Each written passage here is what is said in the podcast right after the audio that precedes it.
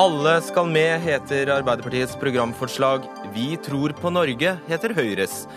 Med trausthet skal landet tydeligvis bygges, for når verden blir urolig, flokker vi oss om to partier det ofte er vanskelig å se forskjell på. Og foran et valg i Norge skal ikke bare alle med, alle skal også få. 1-0 til Uber over taxiene. Offentlig utvalg vil fjerne alle drosjeløyver. Og det finnes knapt en eneste hvit arbeiderklassevelger i søkkrike lille Liechtenstein. Likevel vant høyrepopulistene valget. Så eh, hvordan forklarer forskerne det?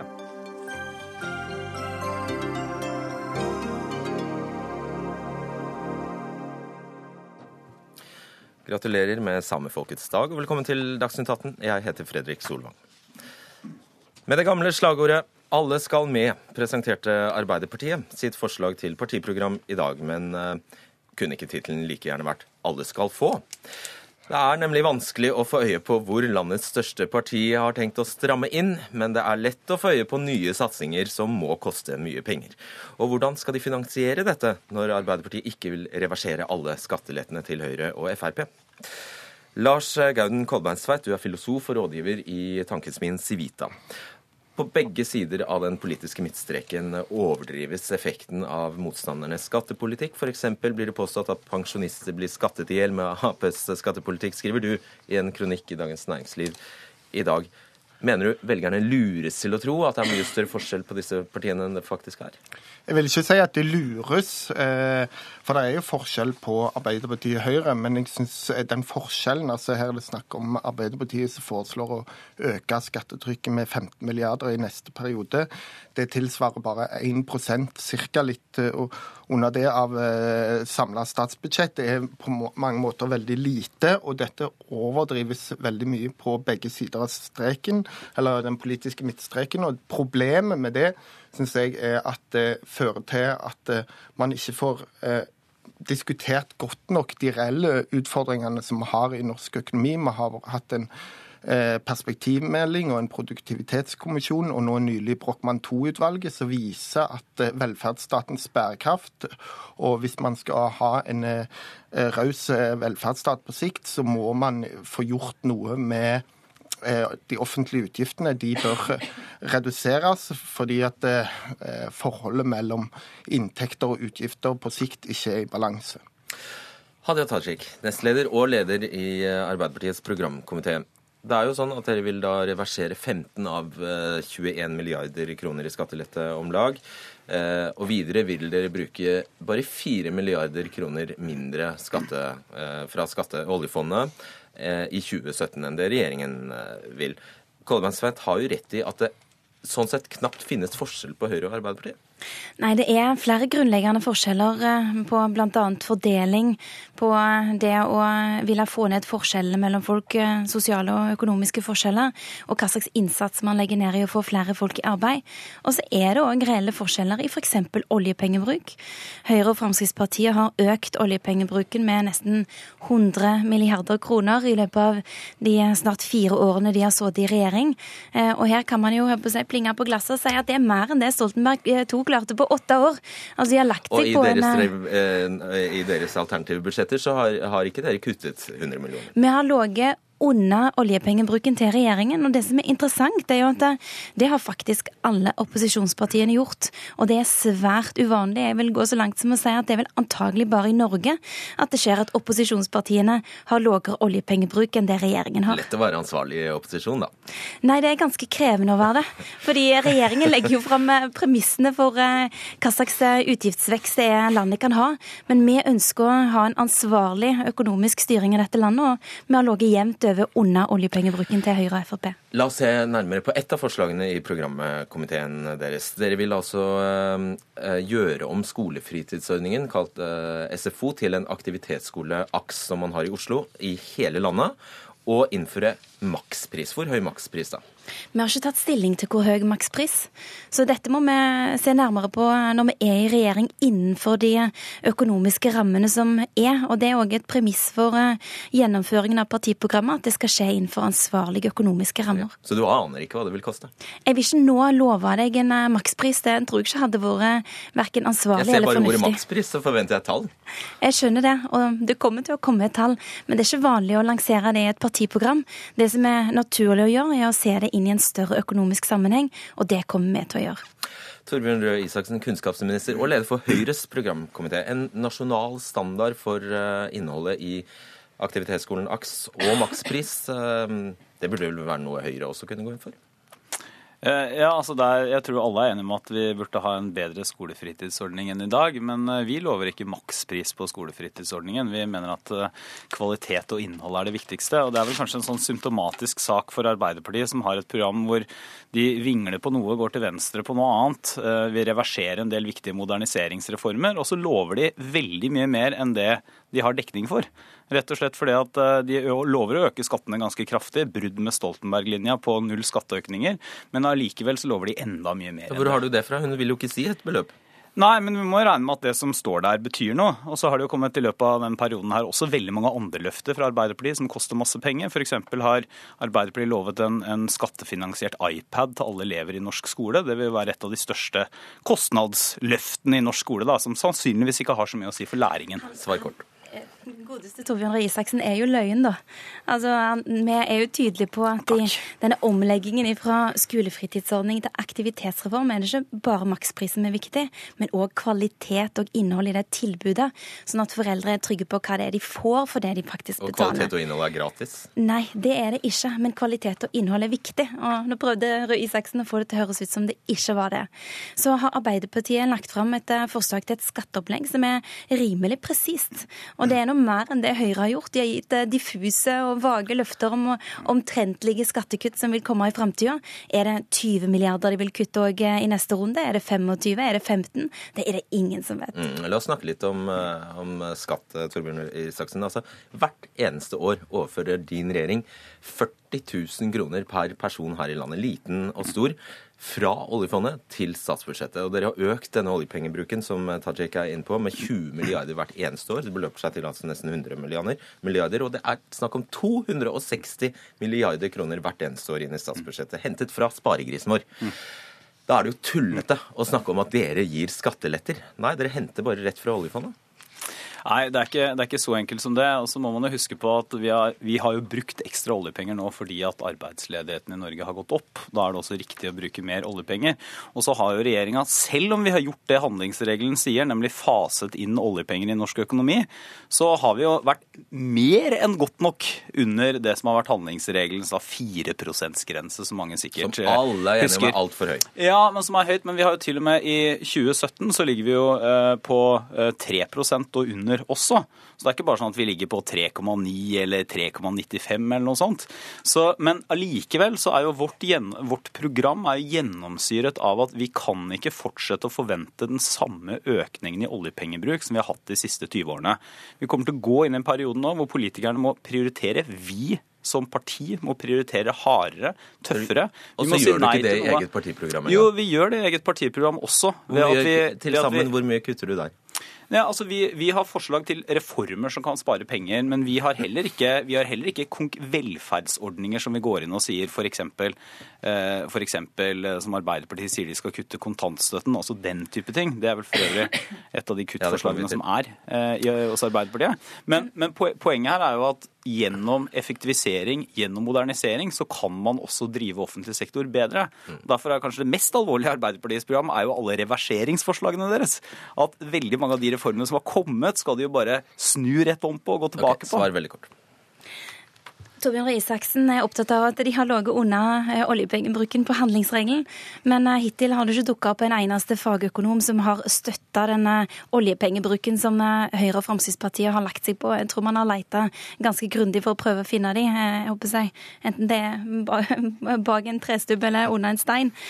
Og Øystein Dørum, som er sjefsøkonom i NHO, sier jo at denne oljepengebruken er såpass massiv at hvis man fortsetter i dette tempoet, så vil oljefondet være tomt i 2043. Og du, Kolbeinstveit, du eh, etterlyser et troverdig alternativ for dere som ønsker skattekutt. Eh, hvorfor er ikke Høyre det partiet? Eh, det er ikke noe galt i skattekuttene, de moderate skattekuttene som Høyre kommer med sånn stort sett i seg selv, syns jeg. Men det som er problemet, er at det ikke balanseres godt nok ut mot en redusert vekst i offentlige utgifter eller kutt i offentlige utgifter.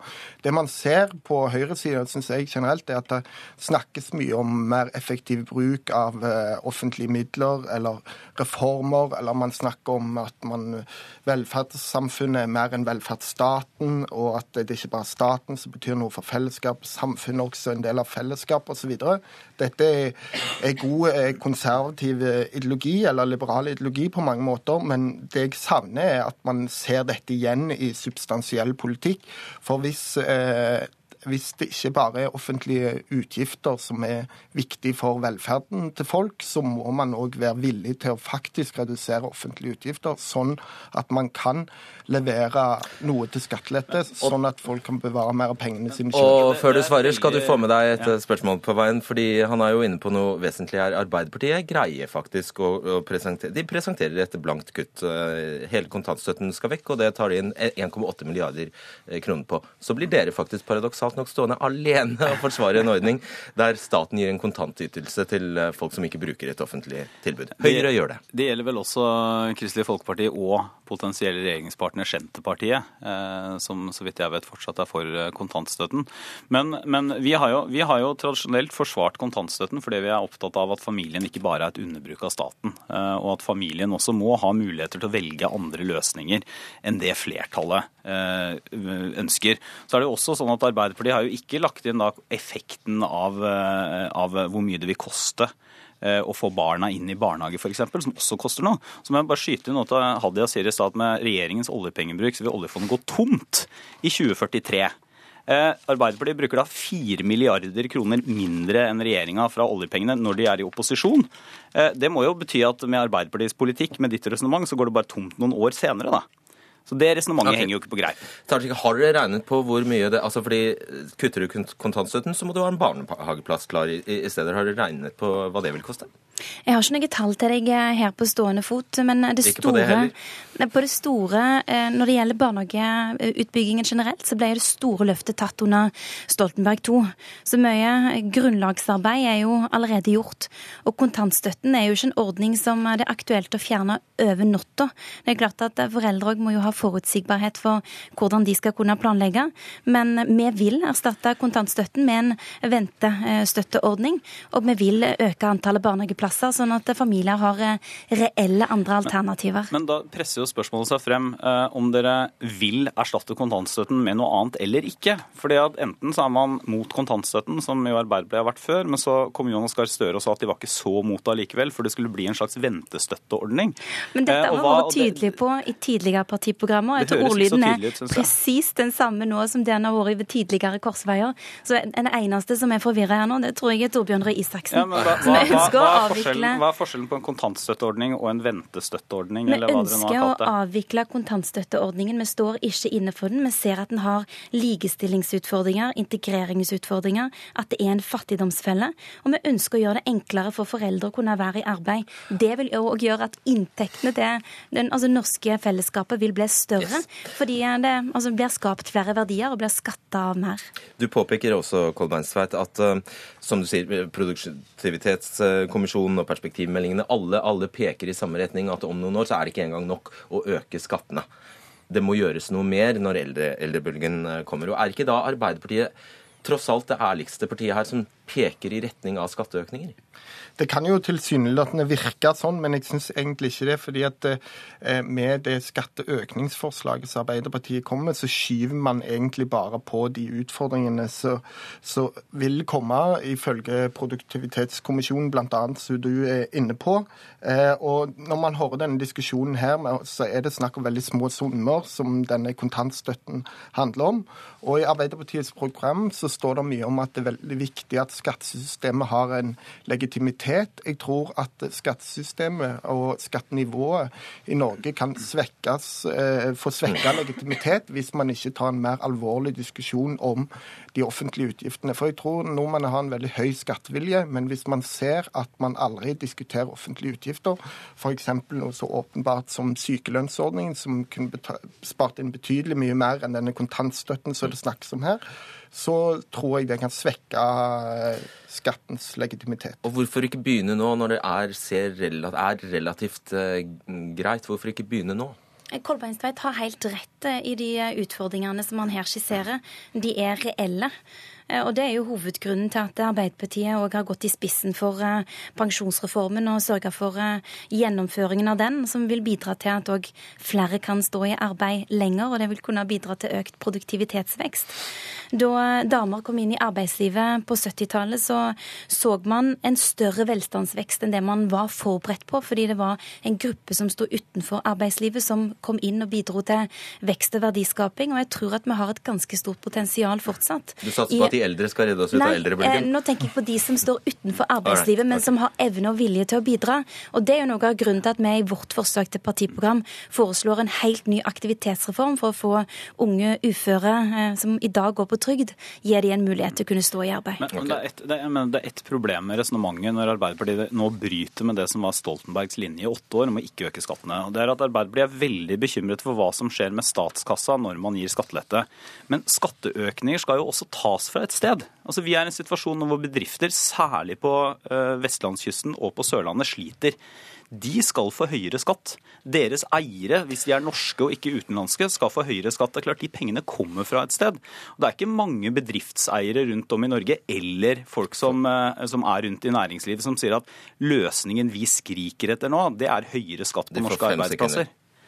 Vi har satt ned eh, selskapsskatten og gitt eh, mer forutsigbarhet til norsk næringsliv ved å være driveren for skatteforliket på Stortinget.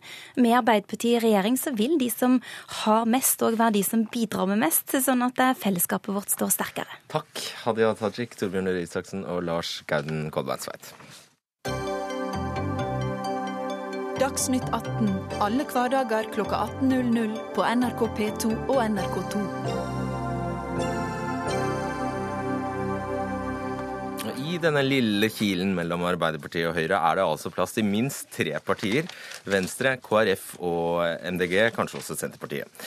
De skaper mye støy og skryter mye av gjennomslagene sine, men de får tyn av velgerne. I dag publiserte også Vox Publica, som gis, av, som gis ut av Institutt for informasjons- og medievitenskap ved Universitetet i Bergen, nye tall fra Norsk medborgerpanel.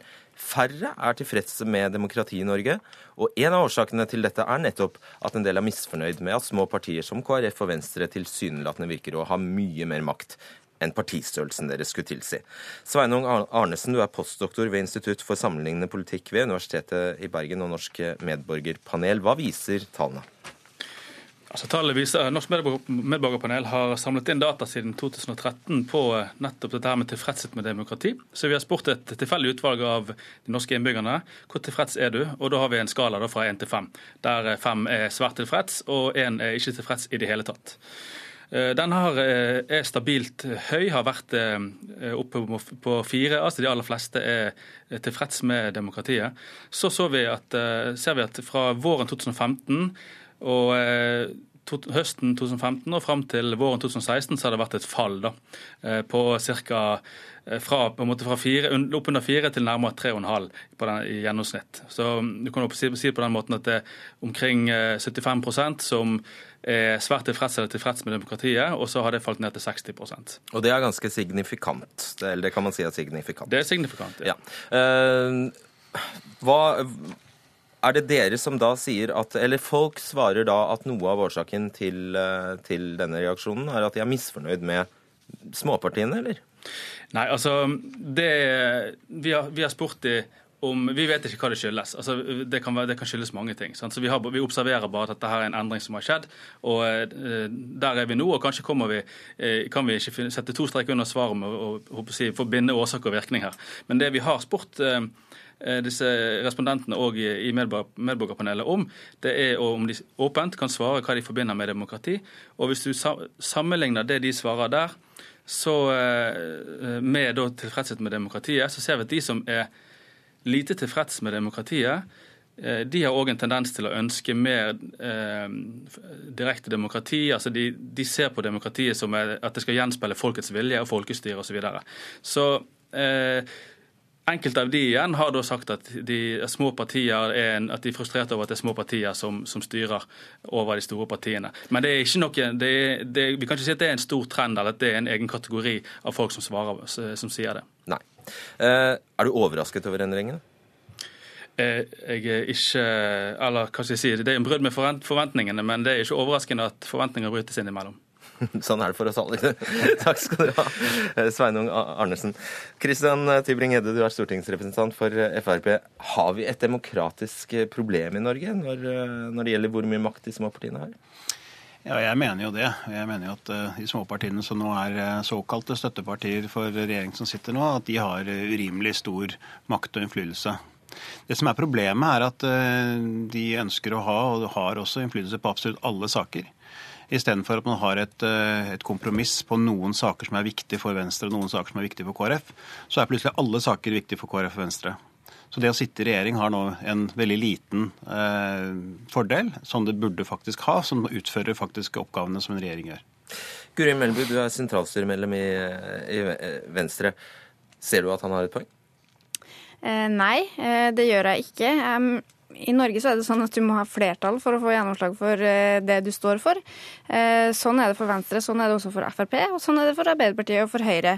Eh, og alle partier må jo kjempe for å få gjennomslag for sine saker, og må gjøre det gjennom å søke samarbeid. Venstre har gjort det gjennom å være støtteparti for regjeringa, fordi vi mener at det gir oss best gjennomslag for viktige miljøsaker, viktige skolesaker og andre ting. Og på samme måte så antar jeg at Høyre og Frp har valgt å ha oss som støtteparti, fordi at de mener det gir dem mest gjennomslag for deres politikk. De kunne jo valgt å finne flertall sammen med andre partier på Stortinget. Det har de da altså ikke valgt å gjøre. De har valgt å finne flertall sammen med oss. Eh, og så er det da sånn at mange av de sakene som vi får gjennomslag for Nå tror ikke jeg vi får nødvendigvis så uforholdsmessig mye mer enn størrelsen skulle tilsi, men det er kanskje sånn at partiene som ligger i sentrum, får litt mer gjennomslag enn fløyparti, særlig når man da er i en sånn type posisjon som det Venstre er i nå.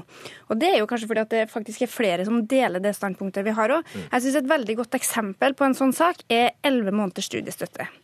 I alle de valgkampene jeg har vært med i siden 2005, så tror jeg alle politiske partier har lovt 11 måneders studiestøtte. Det ble ikke gjennomført under de rød-grønne, eh, og Høyre og Frp har aldri foreslått det i sine budsjetter, men Venstre har kjempa det gjennom. Så det her er jo ikke noe sak som går på tvers av de andre partiene, og det er heller ikke noe som går på tvers av folkeviljen, men det er en sak som vi har prioritert, som da de store partiene har vært litt mer utydelige på. Så det mener jeg viser jo nettopp at småpartiene har en viktig rolle i å sikre at det som politikerne faktisk lover, også blir gjennomført. Og det er vel omtrent så enkelt som at eh, det hadde ikke vært noe Frp-Høyre-regjering hadde det ikke vært for disse partiene. Så. Nei, det kan du si, men altså, det er alltid enkelt å bli enige om å bruke mer penger. Det er jo det som er det, det evige kompromisset. Det er aldri enighet om å bruke mindre penger. Så det er jo sånn at de mindre partiene, om det er bistand eller hva det er, så er det, det er å bruke mer penger. Og så blir kompromisset at man bruker mer penger, og så klager alle på opposisjonen at man har brukt for mye penger. Det var en veldig, for, veldig interessant anklage å få Nei, men, fra Frp. Vi har alltid lagt fram statsbudsjetter der vi har kutta kraftig. Okay, vi, vi, vi, tar og diskuterer vennlige tone. Ja, hvis vi forholder deg til fakta, så skal ja, Og så er det dette med poenget med fløyparti. Man kan diskutere veldig godt hva som er et fløyparti. Det er jo liten tvil om at Venstre er et fløyparti når det gjelder klimapolitikk. Altså hva kan si ytterliggående, da, eller i hvert fall sånn ytterst på, på, en eller annen kant når det gjelder på klima. Det er jo liten tvil om. Det tror jeg Venstre også er enig om. Ålreit. Eh, partisekretær i Arbeiderpartiet, eh, Kjersti Stenseng. Har vi et demokratisk problem i Norge når eh, tross alt veldig små partier kan få, kan, de kan få hvis de har vippemakt f.eks. uforholdsmessig mye innflytelse? Nei, jeg mener ikke at vi har et demokratisk problem. Jeg syns jo den tendensen til uenighet eller temperatur i debatten her illustrerer jo nettopp det som kan være eh, svaret òg på den fallende tilfredsheten med demokratiet som vi ser i den undersøkelsen. Vi er jo et stort parti som har erfaring med å samarbeide med mindre parti i posisjon. Eh, og sett at eh, jeg tror den viktigste grunnen til at du òg da kan lykkes med det, er at du har respekt først og fremst for de partiene du samarbeider med, og at du går inn i det samarbeidet og det flertallet med et mål om å finne gode politiske løsninger. Det som er spesielt akkurat nå, og som jeg tror er med å forklare den tendensen fra våren 2015, er jo nettopp at for første gang så har oss et parti til høyre for Høyre i regjering, Fremskrittspartiet. Og det flertallet de fire partiene utgjør, står veldig langt fra hverandre i veldig mange saker. Og det blir òg veldig synlig eh, for dem som enten har stemt Fremskrittspartiet eller Venstre. Når vi satt åtte år med rød-grønn regjering, så var vi jo enige om ganske mange ting. Men vi var enige om retningen og fokuset på å finne gode politiske løsninger. Mm. Og nå er det et stort fokus på å få gjennomslag for sine primærstandpunkter. Altså, dere har ikke Ja, du skal få slippe til, Melby, men eh, dere har jo tross alt ikke mer enn Eller dere hadde 16,3 eh, til Bringede det ved forrige stortingsvalg. Så man kan jo godt si, snu det på hodet og si at dere har uforholdsmessig mye makt? Ja, Poenget er at vi må kompromisse, da. Altså ut fra vårt partiprogram. Altså Jeg skulle gjerne hatt en, eh, gjerne hatt en helt annen klimapolitikk, en mer realistisk klimapolitikk. Jeg skulle hatt en realistisk innvandringspolitikk. Jeg skulle gjerne ha kuttet litt i sykelønnen for å få en mer realistisk eh, forhold til bruk av penger. Jeg vil gjerne fjerne kontantstøtten. Altså Det er veldig mange ting jeg ønsker å gjøre, som jeg er sikker på Fremskrittspartiet også etter hvert ønsker å gjøre. Men poenget er at vi selger det ut, og så får vi høre fra våre velgere at ja, men dere gjør jo ikke det dere har sagt. Og så sier vi nei, vi er bare 16,3% men så vi kan ikke gjøre noe. Ja, men hvorfor er det der da? Og så sier noen at ja, men de gjør det fordi de kjører svarte biler. Ikke sant? Det er liksom det evigvarende eh, problemet. Og når Arbeiderpartiet sitter og sier at de har kommet til kompromisser altså Senterpartiet i dag fikk 10,2% i oppslutning, og du kan være helt sikker på at det de står og sier nå, det kommer ikke de til å si når, hvis de kommer i regjering neste gang. Og SV gikk på plenen når de var i regjering sammen med, med Arbeiderpartiet og Senterpartiet forrige gang, så enigheten der er vel eh, kanskje litt skinnhellig når de hevdet at den er. Dere kjemper mot eh, sperregrensa, Guri og får jo da tydeligvis en straff fra velgerne, selv om dere har vært med på alle disse rundene med budsjettforlik med regjeringspartiene. Hvilke refleksjoner gjør dere dere i Venstre rundt det? Jeg tror egentlig ikke at velgerne straffer oss eh, for at vi får gjennomslag. Jeg tror at de som har stemt på Venstre er veldig fornøyd med at vi kjemper hardt for våre saker. Men så kan det være mange grunner til at noen også velger andre parti. Men jeg tror jo nettopp at de mindre partiene er et styrke for demokratiet. Det gjør at flere stemmer slipper til. Det gjør at flere får uttrykt sin mening enn det vi ser i mange land som har et mer sånn topartisystem. Og jeg tror faktisk at et større problem for demokratiet i Norge er noen av de store partiene som har til dels utydelige standpunkt, og som også innimellom mener jeg dobbeltkommuniserer. Og jeg synes Et veldig godt eksempel på det er nettopp Arbeiderpartiets kommunikasjon rundt oljeboring i Lofoten og Vesterålen, der jeg mener de forsøker å kommunisere standpunkt der de er både for vern og for oljeutvinning samtidig, for å tekkes alle velgergrupper.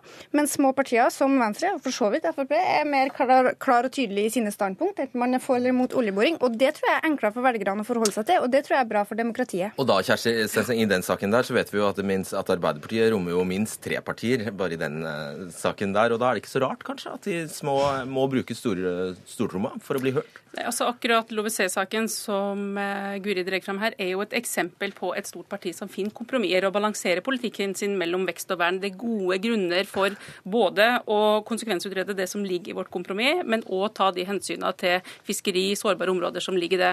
Og Det er jo nettopp det jeg mener kjennetegner uh, det oss òg fikk til etter åtte år i regjering.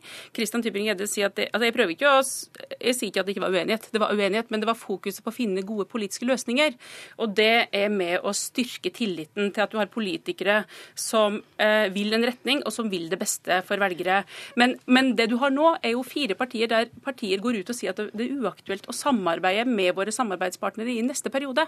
Og det er veldig eh, Det tror jeg er en årsak til at tilliten går ned. Vi har sagt at vi skal samarbeide med Høyre og KrF og for så vidt dem som vil gi oss gjennomslag for vår politikk. Men det som jeg tror ikke, som bidrar til å bygge ned tilliten, er jo at man sier én ting, men gjør noe annet. Og Hvis Arbeiderpartiet da forsøker å si både at man skal ha oljeutvinning samtidig som man skal ha vern, så er det åpenbart at det er i hvert fall ett av standpunktene de ikke kommer til å få gjennomslag for. Det tror jeg er svært negativt for demokratiet. Da er det bedre at man sier klart og tydelig man vil ha vern. og Hvis man da får til det, så tror faktisk velgerne på at man holder det man lover. Ok, Det er åtte partier på Stortinget, Tybring. Hvor mange skulle du helst sett i dag? Jeg skulle helt sett at uh, sperregrensen gikk i hvert fall opp til en 6% Det syns jeg hadde vært uh, naturlig. For at du, kunne, du, kan plutselig få flere enn uh, åtte, partier, åtte partier nå. Kan få Rødt kan komme inn, og det er jo andre sånne småpartier hist og her som gjerne også vil inn. Og kan dere få inn en representant. Så da hadde vi hatt noe sånn som fire partier i dag? Ja, Fire-fem, ja det hadde vært fint. Ja. Hvis vi hadde hatt fire partier, to på hver side, syns jeg hadde vært en god løsning. Og da vil jo selvfølgelig de partiene også ta inn over seg de velgerne som ligger i den. Men det at du skal ha eh, så mange partier som skal hevde sine eh, primærstandpunkter, det, det kommer bare ikke til, det fungerer bare ikke på den måten. Og når du sier at du skal beskytte f.eks. Oljen, oljen i nord, men da vil jeg gjerne se at de ikke skal bruke de pengene. For at Hvis du sier at OK, vi får ikke de inntektene, det vil si noen, det vil si noen hundre milliarder kroner, hvordan skal du bruke mindre penger de kommende årene? Du skal bruke noe som heter grønt skifte, og det finnes ikke. Altså, det er den enkleste sak i verden for de store partiene å rotte seg sammen og sørge for at småpartiene får null makt. Jeg tror, Hvis jeg rett, teller riktig, så har vel Frp og Arbeiderpartiet flertall alene. Eh, så det er jo dere som gir oss småpartiene makt, og det tror jeg jo er både fordi at vi har standpunkter som ligger i et kompromiss, fordi at vi er villige til å forhandle, og det er ikke sånn at vi får gjennomslag i absolutt alle saker. Eh, I veldig mye av innvandring- og asylpolitikken så er det f.eks. Arbeiderpartiet, Frp og da en del andre småpartier som har gått sammen, mens Venstre har stemt imot sammen med MDG og SV. Eh, Så Sånn er det jo i en del saker også. Vi er nødt til å kjempe hardt for gjennomslag for våre standpunkt. Det gjør du også, det regner jeg også med at Arbeiderpartiet gjør. Og man finner flertall med dem man ligger nærmest politisk. Og dermed eh, så blir det ikke noe uforholdsmessig gjennomslag. De fleste gjennomslagene ligger på sånn cirka over halvparten av Norges befolkning, over halvparten av partiene og representantene på Stortinget. Men vi er bundet av den avtalen som gjør at vi er vanskelig å søke likheter eller eh, kompromisser med Arbeiderpartiet. Og jeg skulle gjerne søkt flere kompromisser med Arbeiderpartiet, og flere steder så ligger Fremskrittspartiet nærmere Arbeiderpartiet. Men poenget er at man er bundet av en samarbeidsavtale som trekker, trekker Fremskrittspartiet i en retning som jeg er uenig i, men som er et kompromiss. Stenseng, eh, kom, får vi en ettpartiregjering i Norge noen gang? Igjen? Nei, Det skal ikke jeg svare på. Altså, det vi jobber for nå, er å få et størst mulig Arbeiderparti. Og så er vi opptatt av å få et, eh, et Arbeiderparti som skal, at du skal samarbeide med mindre partier som eh, nettopp vil finne gode politiske løsninger, og som er enes om retningen. Du drar fram et eh, kompromiss som jeg mener er veldig godt og velbegrunna på olje. og Her sitter jo to partier som samarbeider, som har vidt forskjellig syn på akkurat den saken. Dere har Så- syn. Nei. Eh, oss representerer et stort parti som finner gode, breie kompromisser. Okay. Eh, ja. Ja, jeg tror vi setter strek der. Dette er jo en evig diskusjon. Takk skal dere ha, Christian Tybring-Edde, Guri Melby og Kjersti Stenseng.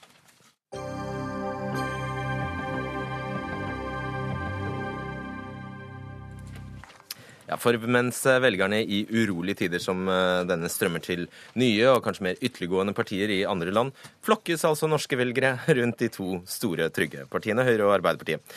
Og det spiller tydeligvis liten rolle at forskjellen mellom dem ikke er så stor. Partiene i midten kjemper mot sperregrensa, SV lever farlig ute på venstrekanten, mens det ene partiet som får seg fram, er Senterpartiet. Landets mest erfarne regjerings- og styringsparti, som nå har blitt anti-elitist- og motmaktpartiet framfor noe. Lars Nehru Sand, politisk kommentator her i NRK. Dette er jo et litt merkelig landskap.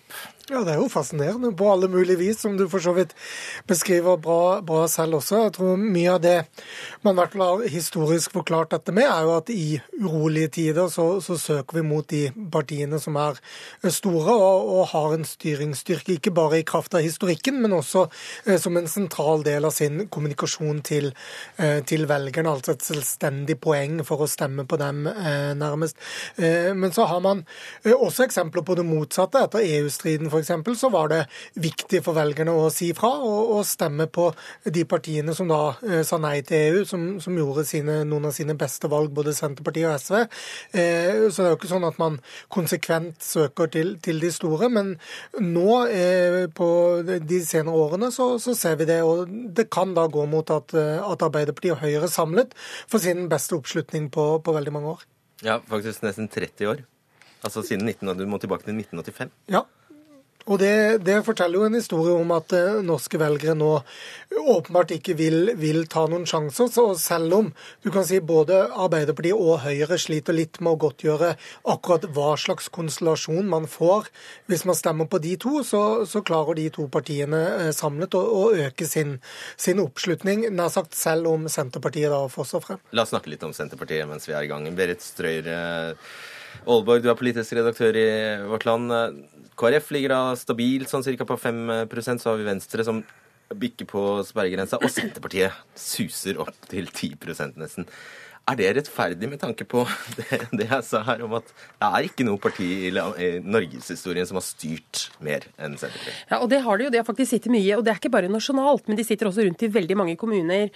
Men samtidig så er det jo akkurat sånn nå at det partiet som er mest globalt orientert, og kanskje minst nasjonal, nasjonalt orientert, har statsministeren, altså Høyre.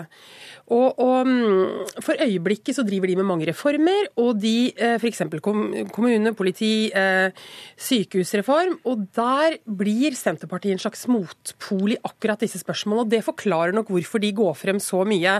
Selv om Høyre har Fremskrittspartiet sittende ved siden av seg, som ivaretar en del av de samme interessene som Senterpartiet gjør, så blir nok det veldig kraftfullt at det er nettopp Erna Solberg som sitter med makt.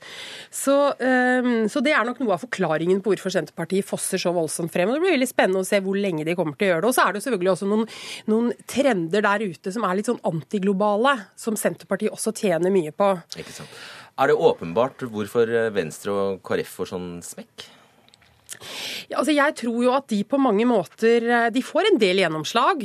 De har fått gjennomslag i en del ting, men samtidig så tror jeg at en del av det gjennomslaget, en del av de gjennomslagssakene de har fått, det har de nettopp fått i på politikkfelter der hvor de på en måte har vært et slags sentrumsparti. Eksempel på det kan være bistand, eksempel på det kan være enkelte klimasaker. Og du ser at Venstre får ikke så mye gjennomslag som de kunne tenkt seg, fordi at der ligger ikke noe flertall. Men, men og, og for eksempel, Hvis vi ser på kontantstøtten, så har det også vært en type politikkområde som mange har vært enig i. Nå begynner flere av de store partiene å trekke det tilbake, og da er det mye som tyder på at KrF som et lite parti kommer til å miste det uh, området. Så, mm. så, det er der hvor de liksom har vipper et slags flertall, at de har mulighet for store gjennomslag.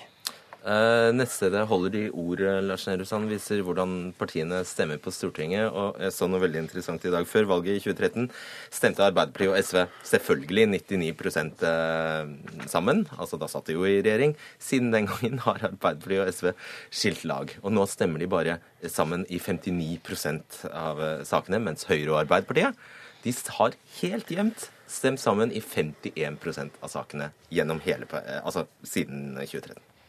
Ja, det er jo fordi at, eh, For det første så er det jo fordi at nå får SV et rom til venstre for Arbeiderpartiet. De kan i noen saker eh, holdt på å si, være med seg selv. Og, og, og både Lofoten-Vesterålen-saken og, og, skattepolitikken er, det et tydelig rom for SV.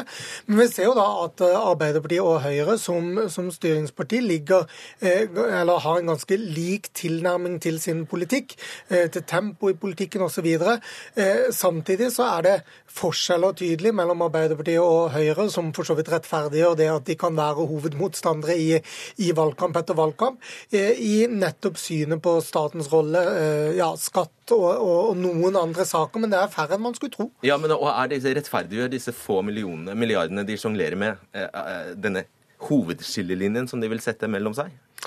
På noen måter gjør det det i kraft av at, at det er noen grunnleggende syn på, på, hva politikk skal være, hva politikk skal løse av oppgaver, ikke minst da som sagt hvordan staten skal ha sin rolle i det.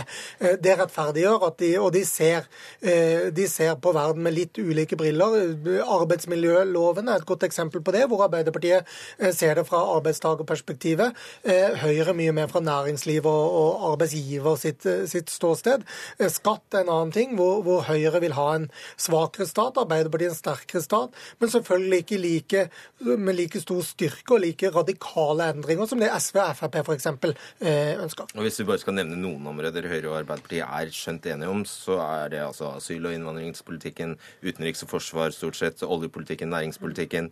De har også inngått skatteforlik. Eh, Berit, eh, hvorfor tillates de å framstille det som om det var så mye større forskjeller enn det det egentlig er? Jeg tror nok de selv har veldig stor interesse av å framstille det, for, nettopp fordi at det skal framstå demokratisk, at man skal ha noe valg å, å, stemme på. Og så er det ett element til, og det er nettopp det at uh, Høyre uh, slipper Fremskrittspartiet til makt. Altså Det gjør at de får en politikk som går mer mot Høyre enn det de selv har i sine liksom, store altså, programmer som et stort uh, parti. Og det samme på den andre siden. Arbeiderpartiet er villig til å, å slippe Senterpartiet til makt, og det gjør noe med hele konstellasjonen. Men, men, men, jeg tror nok de har en stor interesse av det. Det kan nok fremstå litt mer forskjellig enn det det faktisk i virkeligheten er. Ser velgerne? Det, ser de det, eller ser de det ikke? Nei, det er jo vanskelig å si. Man kan jo kanskje tro at de på en måte ser det litt, i og med at de nå, ut fra den, den forskeren sa i stad, straffer at de små får gjennomslag på enkelte saker. Så kan man i hvert fall tro det. At de kanskje ser det litt. Hva tror du? Men samtidig så ser man jo at de eh, såkalte småpartiene er jo store på enkelte saker der hvor de eh, på en måte eier en skillelinje, sånn som Senterpartiet gjør i, i sentrum-periferi-spørsmål. Eh, KrF har gjort det i i religion, sekulære spørsmål, familiepolitikken. Eh, og når de klarer å ta det domenet, så blir eh, småpartiene større enn eh, de kanskje skulle vært. Og, og de får en, en sentral rolle i norsk politikk og fyller et rom som ellers ikke ville vært, eh, vært fylt av en, en, så tydelig stemme som et politisk parti klarer å være over tid. Men så er det ett felt der dette ikke funker helt etter læreboka. Det er altså klima. Hvis du, hvis du har klima som hjertesak som norsk politisk parti, da dør du. Sånn cirka. Ja, i hvert fall hvis du Eller ja, de partiene som har, har vært for veldig progressive eh, endringer av politikken i en mer klimavennlig retning, de har gjort dårlige valg de, de siste gangene. Det har de. Ja, det tror jeg er riktig. Altså De partiene som har gått for hardt ut. Men samtidig så ser vi jo at det er relativt altså Det er et viktig spørsmål. Så jeg tror du, det er en slags balansegang der. På den ene siden så skal man ikke kjøre det for tøft, men på den andre siden så tror jeg ikke man skal ligge for langt ned i klimainteressen heller. For da tror jeg de store partiene kan tape. Og det tror jeg vi ser både med Høyre og Arbeiderpartiet. For de er jo veldig gode på å måle politikkområder og hva som er populært. Og når de blir mer klimaorientert, da kan vi være ganske sikre på at de har gode målinger på at det er ganske viktig å ha relativt høyt oppe. Og så blir jorda varmere. men jo, men der har jo også småpartiene sin funksjon, ved at de store også tar opp uh, i seg uh, mye av den politikken som kanskje utvikles tidlig og, og mer progressivt i, i, de små. Takk. Lars Nehru Sand, Berit Strøst Aalborg.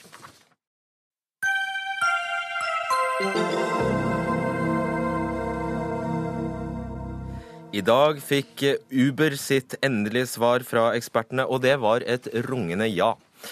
For i dag leverte Delingsøkonomiutvalget sin rapport til finansminister Siv Jensen, og der står det at utvalget anbefaler å oppheve løyveplikten, altså at man må ha løyve for å ta betalt for å transportere andre mennesker.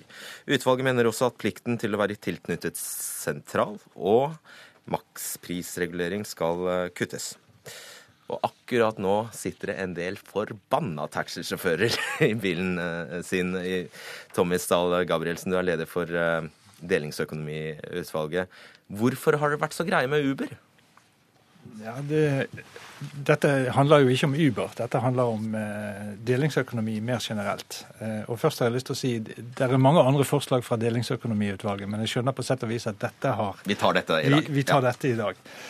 Eh, nei, Bakgrunnen for det er at vi ble bedt om å se på et marked eh, der delingsøkonomien var spesielt utbredt, og, og, persontransportmarkedet pekte seg da ut. Eh, og Det er et marked som etter vårt syn, etter utvalgets syn, fungerer veldig dårlig. Reguleringen av dette markedet er utdatert. Prisinformasjonen er dårlig, konkurransen er dårlig, og prisene er altfor høye. Og Dermed er svaret bare å fjerne alt? Ja, vi føler det. For det, det er litt reguleringen som er grunnen til problemene. Hvordan da? Jo, for dette markedet er regulert sånn at du må ha løyve. Og løyvene er begrenset, og med et løyve så følger det en driveplikt. Det vil altså si at du må kjøre i prinsippet bilen din 24 timer i døgnet ute. Og det gjør at kapasiteten i markedet er nesten aldri tilpasset den etterspørselen som er der. Enten er det for mye biler, eller så er det for lite biler. Eh, og Dette fører til at den effektive kjøretiden for hver enkelt eh, drosje er med passasjer i bilen er fryktelig liten. Det driver opp kostnadene, og når det ikke er priskonkurranse, så drives prisen i været. Så, det, så det at de står stille så mye av tiden, går utover oss passasjerer, er det det du sier? Absolutt. Uh, så er, altså, var dette det eneste svaret dere kunne gi? Nei, men vi føler at det var kanskje det beste svaret vi kunne gi. For det, det er ingen grunn til at ikke vi kan eh, slippe til eh, nye og innovative forretningsmodeller. Eh, Men innvendingen er vel at du tar livet av en hel næring? Ja, ta livet av en hel altså Nå må vi huske på at det er andre interesser i dette også. Det er ikke, altså Samfunnet består av taxinæringen, men det består også av oss forbrukere. Eh, og det er det hensynet vi har blitt bedt om å ta hensyn til. Nemlig effektiv ressursbruk for samfunnet som helhet. Okay. Vi får uh, vende oss til deg, Øystein Trevland, leder av Taxiforbundet. Kunne du fått en dårligere nyhet enn denne? Nei, for uh, oss er jo dette en katastrofe. Er det sant som jeg sier, at dere dør? Nei, Død-utvalget eh, har jo ønsket å fjerne alt. Og dette går ut over 16 000 arbeidsplasser. Eh, Det vil bli nå 16 000 eh, familieforsørgere som kommer til å leve i uvisshet framover på hva som skjer. Og det bryr de seg overhodet ingenting om. De har sikkert en trygg og god jobb sjøl, og da spiller det vel ikke så stor rolle med andre. Men det blir jo ikke ulovlig å drive, For, kunden, og kjøre for drosje, da. kundene så vil også dette bli uh, ille. For i dag så yter vi en service for det norske samfunnet hvor vi har åpent 24 timer i døgnet, 365 dager i året. Den blir borte. Så den må enten samfunnet ut og kjøpe. Det vil koste sånn ca. en milliard i året eh, for samfunnet hvis de skal kjøpe den tjenesten. Eh, Det bryr de seg ingenting om. Så, så å kalle dette delingsøkonomi er sjokkerende. For det tredje så er dagens lovregulering er jo gjort for å sikre kundene en god tjeneste. Men du hørte jo hva han sa. Dess mer dere står stille, dess dyrere blir det for kundene. Ja, og det er helt riktig. Med færre drosjer ute og færre biler, så hadde prisene blitt lavere. For en færre løyver. Færre løyver. Når en drosje kjører 20 minutter av 60, som er en klokketime, så må de ha betalt for hele timen, og dermed så blir det dyrere. Før vi slipper til eh, norgessjefen i Uber, så bare svar på det, Gabrielsen. Kunne ikke det vært en, eh, en løsning å bare kutte antall løyver? Jo, det, altså det vil jo da føre til i de situasjonene der etterspørselen var veldig høy, så vil situasjonen bli enda verre. Sånn at når du står der på lørdags eh, natt til søndag, så er det ingen drosje? Så er det enda færre drosjer. Ja, eh, Han burde eh, tatt seg jobb som 14 dager som drosjesjåfør, så trenger det ikke å være rakettforsker etterpå for å skjønne at det blir helt spinnvilt. Alright. Nybakst norgessjef i Uber, Karl Edvard eh, Edvardsen. Forrige uke satt du faktisk i dette her og, og ventet spent på dette utvalget. Er det touchdown for deg nå? Eh, Ja, nei, Jeg har jo vært i stillingen i et par år eh, nå, så helt nybakt er jeg ikke. Men, eh, Da vet jeg ikke hvor den opplysningen kom fra. Nei, men det er klart, Jeg syns det er positivt at utvalget har valgt å se de mulighetene som ligger innen delingsøkonomien. Spesielt på transportsektoren så er det et sted hvor effektiv ressursutnyttelse virkelig kan gagne samfunnet. Det finnes over 2,5 millioner biler i Norge i dag. De står stille en veldig stor andel av tiden. Det at folk får anledning til å bruke disse bilene til å transportere andre, gjør at vi kan dele på bilene, dele på ressursene. og Det skaper bedre samferdsel og god økonomi. Ja, nå skal jeg bare ile til å rette meg selv, eh, dobbeltrette meg selv, for du heter eh, Endresen også. Det var mye feil her. Kan du, men dette er en. Dette er en så godt som full seier. Det kan du være med på. Altså, det som blir spennende nå, er å se hvor lang tid eh, politikerne tar før, eh, før vi får tatt tak i dette og behandlet dette politisk. Jeg tror ikke vi skal være like bekymret for eh, svartmalingen fra Taxiforbundet for hva dette kommer til å medføre for, for de som jobber i, i taxinæringen i dag. Det betyr bare at de vil jobbe i konkurranseutsatt næring som alle andre som ikke er beskyttet av et drosjemonopol. Og jeg også synes det er litt rart at man først skal snakke om at man skal beskytte 16 000 arbeidsplasser, og så frivillig si at la oss kutte antall løyver og dermed kutte, kutte stillinger i den næringen. Ja, det henger jo ikke helt på greip. Nei, men Da vil de i hvert fall få en eh, bedre lønn, de som driver med det. I dag har de ikke god lønn. Så i dag så er det allerede for mange. så enkelt er det. Og så- er, og så er det et paradoks at han kaller Uber for delingsøkonomi. Det er jo full næringsvirksomhet. Punkt to er at det er håpløst å sitte og diskutere med et selskap som er ulovlig i Norge. Selskapet er anmeldt. 100 sjåfører er anmeldt. 400 sjåfører hos dem har fått brev fra skatteetaten for at de ikke har betalt skatter og avgifter. Og uten å betale skatter og avgifter så kan vi konkurrere på pris, vi òg. Og det, til og med det burde jo delingsøkonomiutvalget ha skjønt. Rydd i det. Er dere ulovlige? Vi er ikke enig i at vi er ulovlige. Det er, har vært et uklart regelverk, eh, og det har tatt en lang prosess for å komme dit vi er i dag. Derfor er det meget positivt at utvalget konkluderer slik som de gjør, for å male et bilde for fremtiden der man kan få konkurranse på like vilkår. Det vil være bra for alle. Er det andre land som har gjort det dere foreslår, Gabrielsen? Det er jo mange land som har eh, tillatt Uber å operere, og Uber og lignende selskaper. Eh, men, eh, og vi har en gjennomgang av det i, i rapporten vår, men jeg har ikke akkurat de Nei, det skal du slippe. Jeg lurte på om det var helt særskilt norsk. Men det er altså, altså da, da beskriver du en situasjon der, der det ikke finnes løyver, f.eks. Det finnes i andre land. Ja, nå skal jeg være litt forsiktig, kanskje. Det blir første land i verden uten løyver. Du skal jeg også si at I forbindelse med løyve så må vi stille en bankgaranti på, på 90 000 for at det offentlige skal være sikre på hvis ikke vi betaler skatter og avgifter, så kan de gå inn og ta bankgarantien. Og hvor- hvor er dette hos Uber? Det finnes jo ikke. Ja, Den vil jo taxinæringen nå slippe. Eh, sånn at man, eh, man, fjerner jo en del av de hindringene som har, som har, gjort det vanskelig å etablere seg i taxinæringen, som har gjort det dyrt for dem for å gjøre taxinæringen mer konkurransedyktig. Og Det er det, det dette handler om, få konkurranse på like vilkår. Det som er veldig spennende med den tilnærming Delingsøkonomiutvalget har tatt, eh, er jo at privatpersoner får anledning til å bruke bilene sine mer effektivt. At vi kan ta biler som allerede eksisterer i Norge i dag og bruke dem som del av på en måte, den kollektive transportordningen våre, det er bra for samferdsel. Hva skjer den eh, dagen eh, ingen gidder å kjøre Uber? Nei, Der det er et marked, og der det er en etterspørsel, så, så vil det være folk som, eh, som, gidder å kjøre Uber. Og det skal samfunnet gamble på, da? eller? Ja, Det vi har sett uh, fra alle markedene der vi har operert, så trenger ikke det være en gamble. Det vi har sett faktisk er at uh, transporttilbudet blir bedre, det blir rimeligere, men det når også ut til områder som ikke har vært dekket tradisjonelt sett av eksisterende taxinæring. Som, uh, som Trevland påpeker, taxiene er jo ikke bare til deg for å kjøre oss hjem etter, etter, en tur på byen. De fyller jo faktisk en ganske viktig, fyller en veldig viktig kollektivfunksjon. Det, ja, hvordan løser det med Uber? Eh, vi tror jo det at eh, hvis du tenker på distriktene f.eks., så, så tror vi kanskje altså Det at eh, man åpner for deltidskjøring eh, fra, fra, Uber og andre, det kan jo tvert imot føre til at tilbudet i distriktene blir bedre enn, enn det det har vært tidligere. Eh, men vi, dette holder vi åpent. Utvalget sier om dette at hvis det skulle vise seg at eh, tilbudet i distriktene ble svekket, så kan man sette i verk målrettede tiltak, f.eks. offentlige anbud eh, som kan, for, for, å skaffe dekning. Hvis det skulle bli et problem. Men vi tror ikke at det nødvendigvis blir et problem. Trevland, det er en kjensgjerning at alt dette presser seg fram fordi det er så veldig dyrt å ta drosje. Ja, er det dyrt å ta drosje, og i forhold til hva? Ja, det er dyrt å ta drosje. Ja, jeg syns ikke det.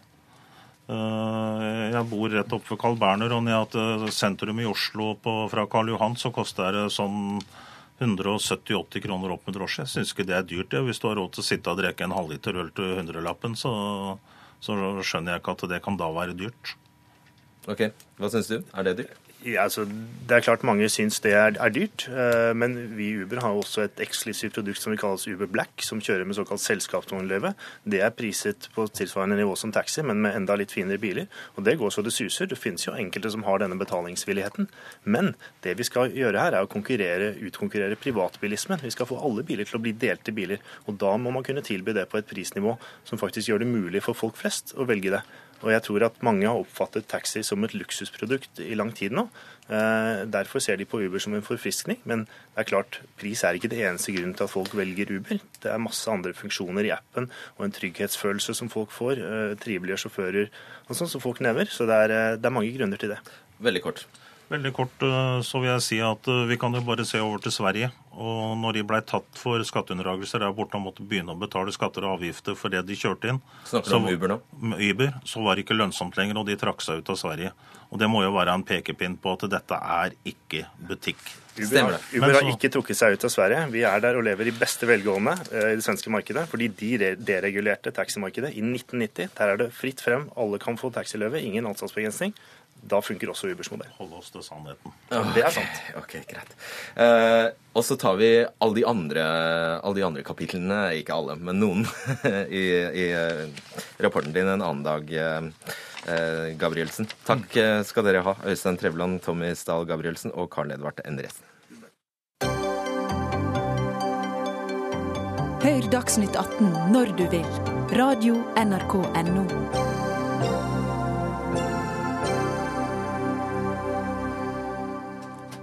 så skal vi snakke om fyrstedømmet Liechtenstein, et land på 37 000, med 37 000 innbyggere.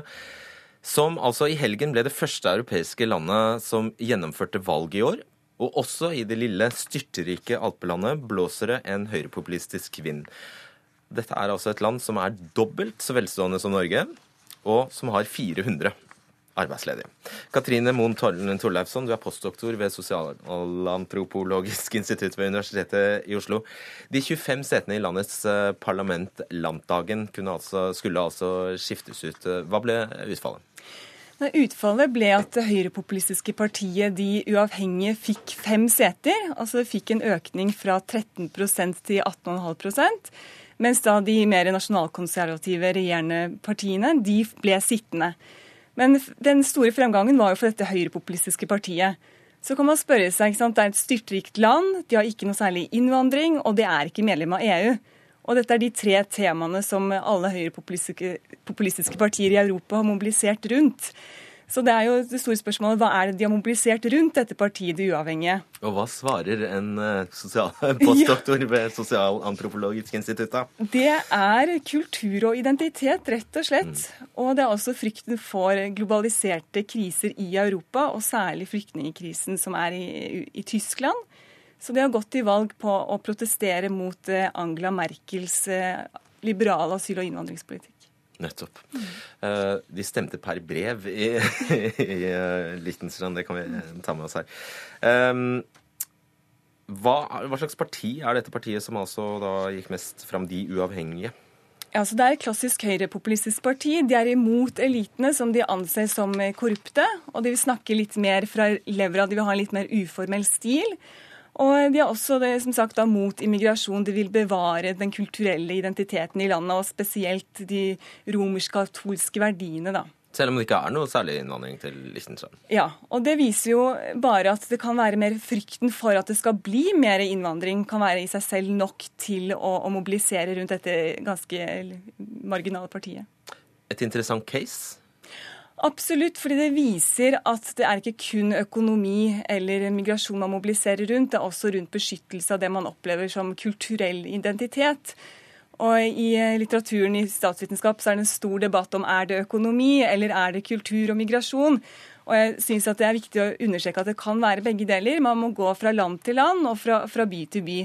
Men som sakstudie er jo Liechtenstein eh, ganske interessant i forhold til at det viser at det kan være kun da om identitet og kulturell identitet. Og bare for å forklare altså eh, eh, nøyaktig hvor atypisk det i en sånn sammenheng er Lichtenstein. Altså Lichtenstein er sammen med oss i, i EFTA et EFTA-land og har altså verdens høyeste BNP, altså bruttonasjonalprodukt per innbygger.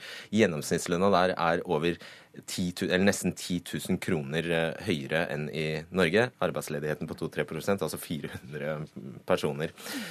Eh, hvis vi skal sette dette i en større europeisk sammenheng, da. altså Snart er det presidentvalg i Frankrike, hvor Nasjonal Front ligger an til å gjøre det bra. Ja, De spiller jo på de samme temaene på å stoppe immigrasjon, og spesielt fra muslimske majoritetsland, og ikke minst på å beskytte nasjonal identitet. Men i Frankrike spiller de nok også mer på um, altså de fattige arbeiderklassestrøk, at de prøver å appellere til de også, slik som Trump gjorde og Nigel Farage gjorde i henholdsvis USA og Storbritannia under valgkampen der. Så der har nok økonomien en større rolle, samtidig som det er migrasjon som er det temaet de mobiliserer mest rundt. Spiller religion en rolle i det franske valget? Ja, i høyeste grad. Du ser at alle disse partilederne nå snakker om behovet for å beskytte kristen vestlig sivilisasjon.